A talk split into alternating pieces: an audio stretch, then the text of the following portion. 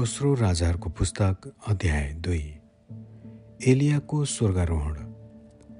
जब परमप्रभुले आदि बेरीद्वारा एलियालाई स्वर्गमा उठाइ लाने आँट्नु भएको थियो तब एलिया र एलिसा गिलगाल छोडेर बाटोमा गइरहेका थिए। तब एलियाले एलिसालाई भने तिमी यहीँ बस। परमप्रभुले मलाई बेथेलमा पठाउनु भएको छ।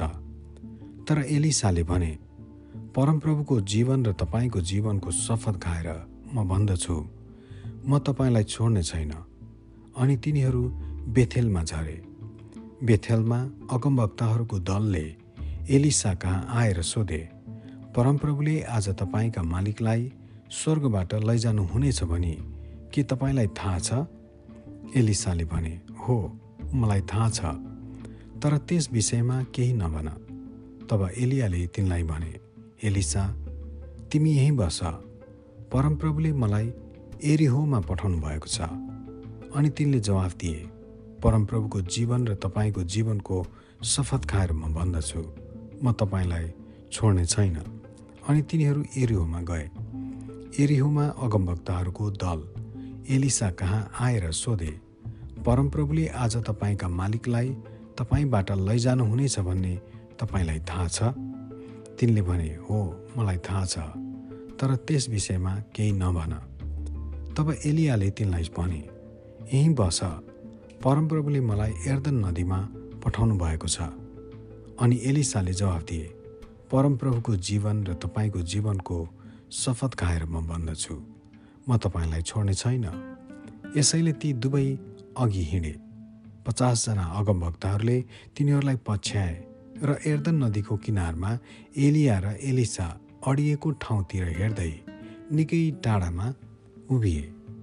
एलियाले आफ्नो खास्टो उतारे र त्यो बेरेर एर्दन नदीको पानीलाई त्यसले हिर्काए।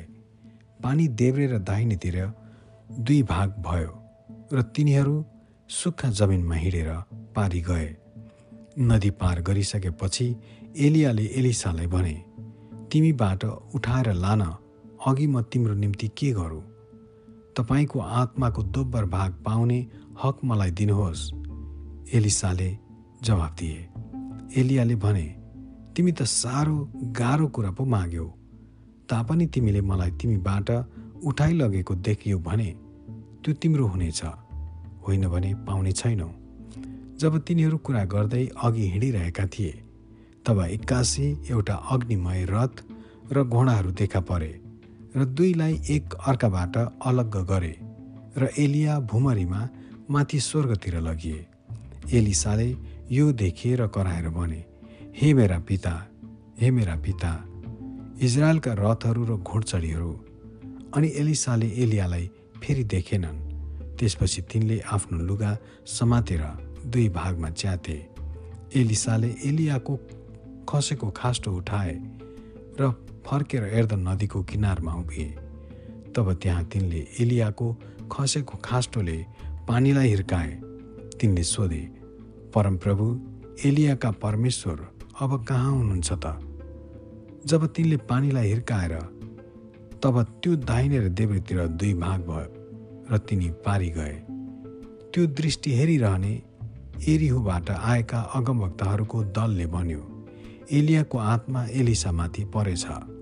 तब उनीहरू तिनलाई भेट्न आए र तिनको अघि भुइँसम्मै घोप्टो परे।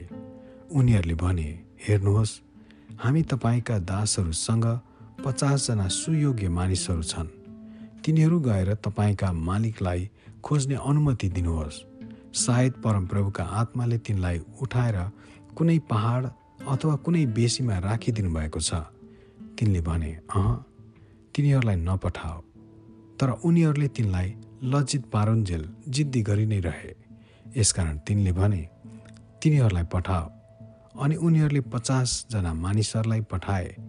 तिनीहरूले तिन दिनसम्म खोजे तापनि एलियालाई फेला पार्न सकेनन्। जब तिनी एरियोमा नै छँदा तिनीहरू एलिसा कहाँ फर्केर आए? तब तिनले तिनीहरूलाई भने के मैले तिमीहरूलाई नजानु भनी भनेको थिइनँ र? एलिसाले पानी शुद्ध पारेका त्यस सहरका मानिसहरूले एलिसालाई भने हे प्रभु हेर्नुहोस् कि यो नगर राम्रो गरी बसालिएको छ तर यहाँको पानी दूषित छ र केही उम्रदैन तिनले भने एउटा नयाँ बटुको म कहाँ ल्याऊ र त्यसमा नुन हाल। यसले तिनीहरूले त्यो ल्याए। तब तिनी पानीको मूलमा गएर त्यहाँ त्यो नुन छर्केर भने परमप्रभु यसो भन्नुहुन्छ मैले यस पानीलाई विशुद्ध तुल्याएको छु।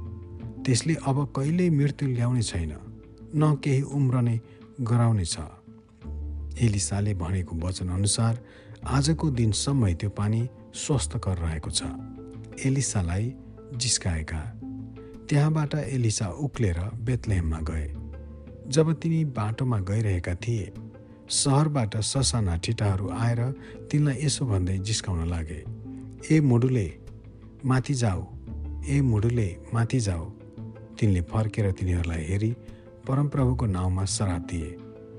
तब जङ्गलबाट दुईवटा भालु निस्केर तिनीहरू मध्येका बयालिसजना ठिटाहरूलाई फहराए अनि त्यहाँबाट तिनी कर्मेल डाँडामा उक्लेर गए र त्यसपछि तिनी सामरियामा फर्के।